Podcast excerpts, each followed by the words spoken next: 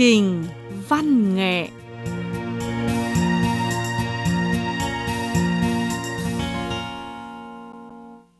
Chào mừng quý vị và các bạn cùng đến thưởng thức chương trình văn nghệ cuối tuần trên sóng và trên mạng Đài Phát thanh Quốc tế Trung Quốc.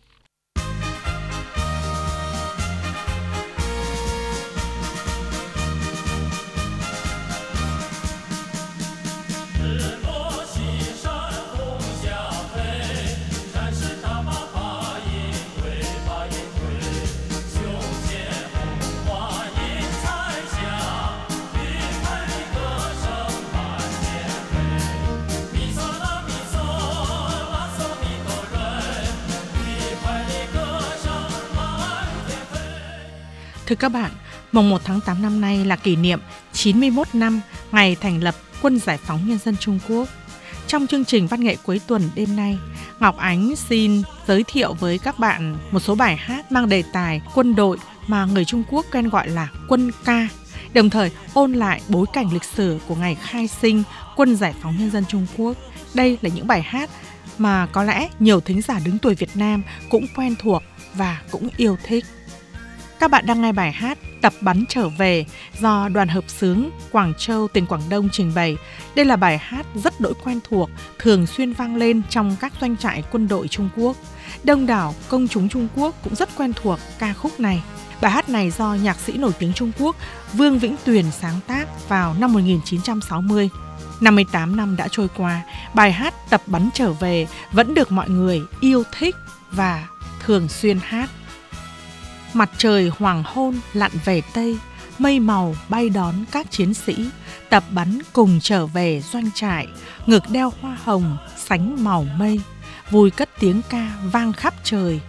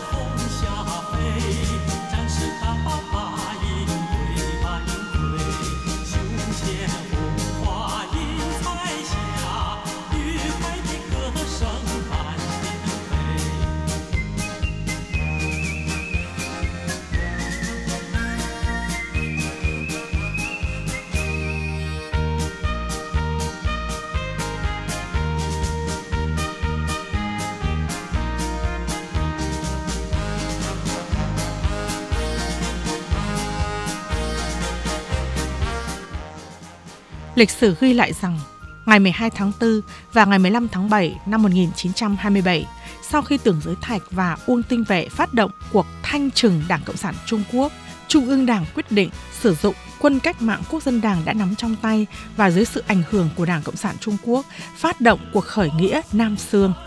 2 giờ dạng sáng, mồng 1 tháng 8, các đồng chí Chu Ân Lai, Chu Đức, Diệp Đĩnh, Lưu Bá Thừa vân vân mỗi người chỉ huy các quân khởi nghĩa mở cuộc tấn công quốc dân đảng đang cầm cự tại Nam Kinh. Sau hơn 4 tiếng đồng hồ chiến đấu quyết liệt đã tiêu diệt hơn 3.000 quân quốc dân đảng và đã chiếm lĩnh thành Nam Sương.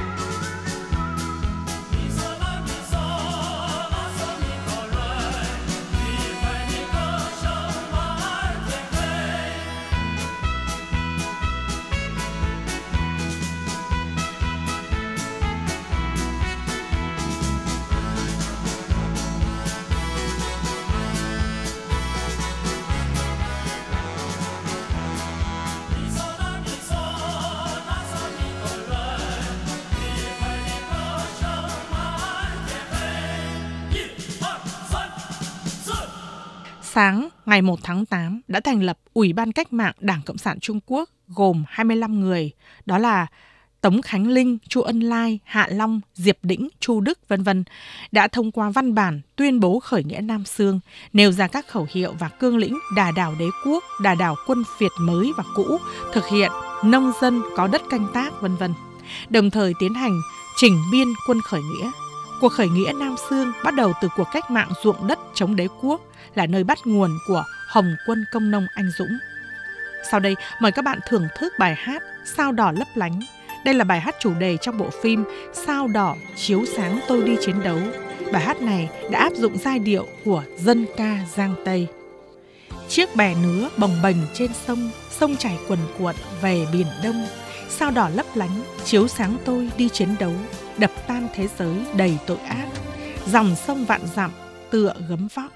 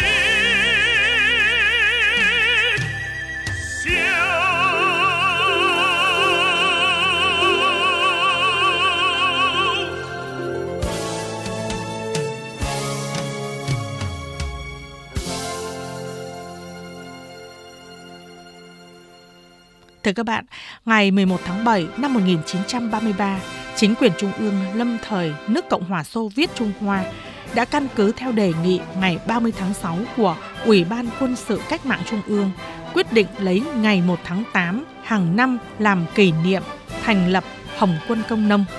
Ngày 15 tháng 6 năm 1949, Ủy ban Quân cách mạng nhân dân ban bố điều lệnh lấy hai chữ bát nhất làm tiêu chí chủ yếu quân kỳ và quân huy của quân giải phóng nhân dân Trung Quốc. Sau ngày thành lập nước Cộng hòa Nhân dân Trung Hoa, lấy ngày kỷ niệm này đổi thành ngày thành lập quân giải phóng nhân dân Trung Quốc mồng 1 tháng 8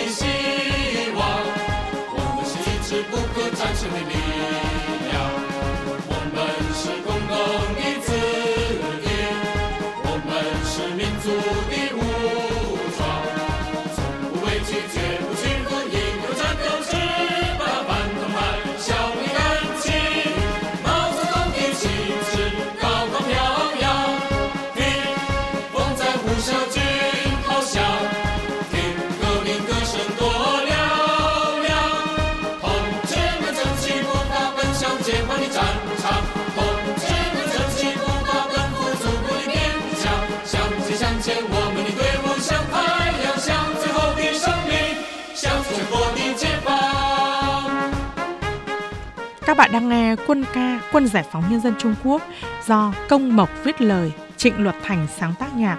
Bài hát này sáng tác vào năm 1939, vốn có tên là Hành khúc quân bát nhất. Trong thời kỳ chiến tranh giải phóng của Trung Quốc, bài hát này đổi tên thành Hành khúc quân giải phóng nhân dân. Năm 1965 lại đổi tên thành Hành khúc quân giải phóng nhân dân Trung Quốc. Ngày 25 tháng 7 năm 1988, Ủy ban quân sự Trung Quốc quyết định lấy bài hát này làm quân ca của quân giải phóng nhân dân Trung Quốc.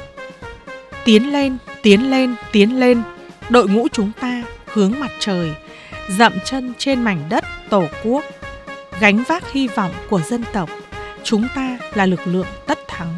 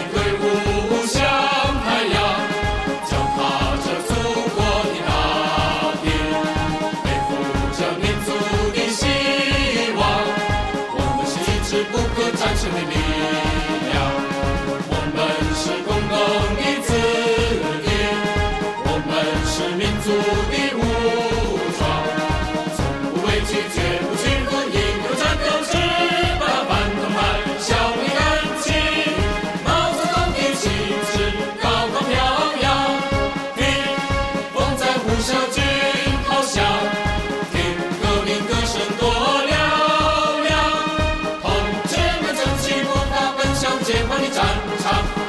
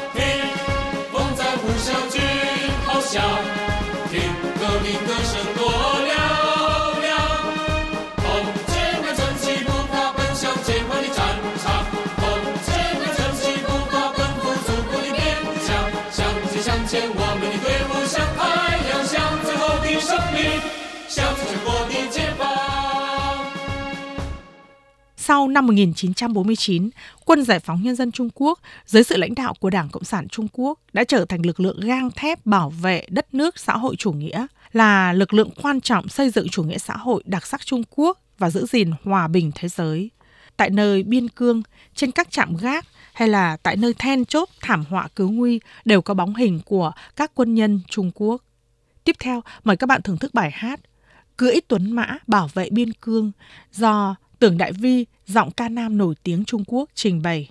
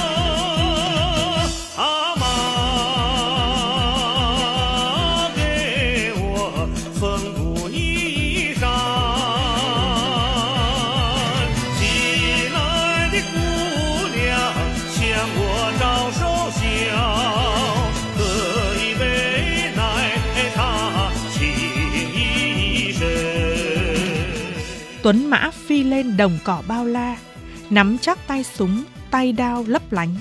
Non nước tổ quốc gắn liền tim ta, quyết không để bọn sói lang xâm phạm.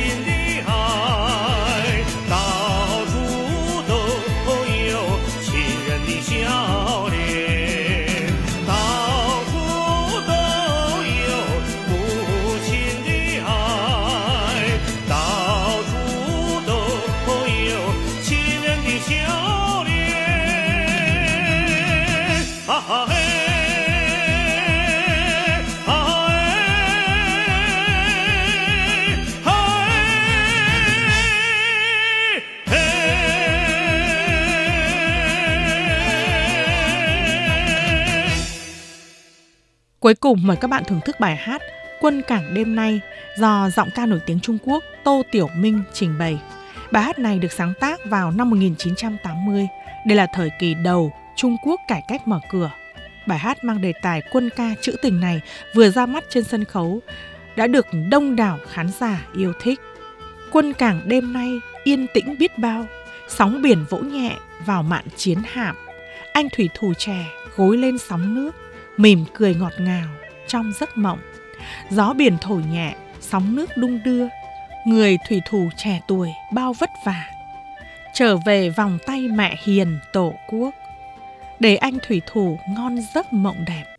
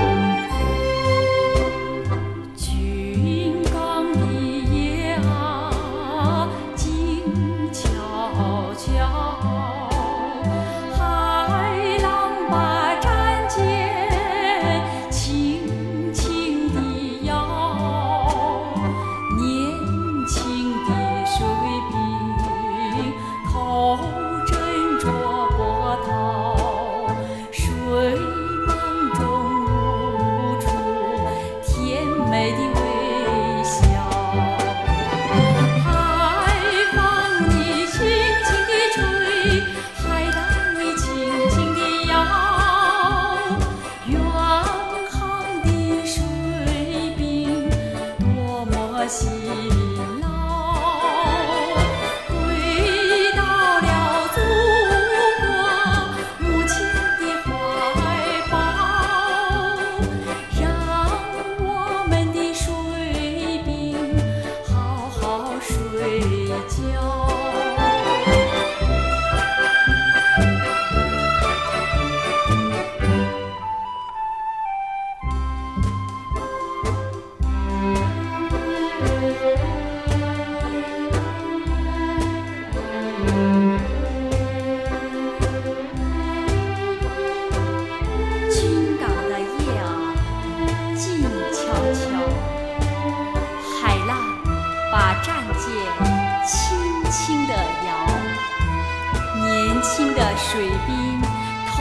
枕着波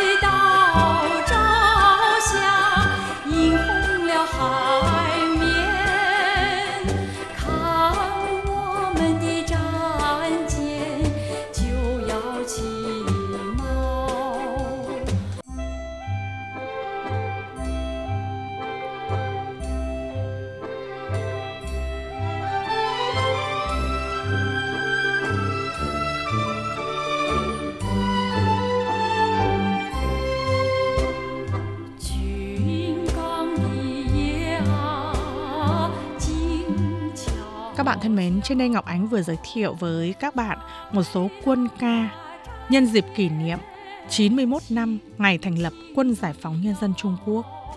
Chương trình văn nghệ cuối tuần đêm nay xin tạm khép lại ở đây. Hẹn gặp lại các bạn vào giờ này tuần tới. Hoan nghênh quý vị truy cập và like hộp thư Ngọc Ánh trên trang Facebook.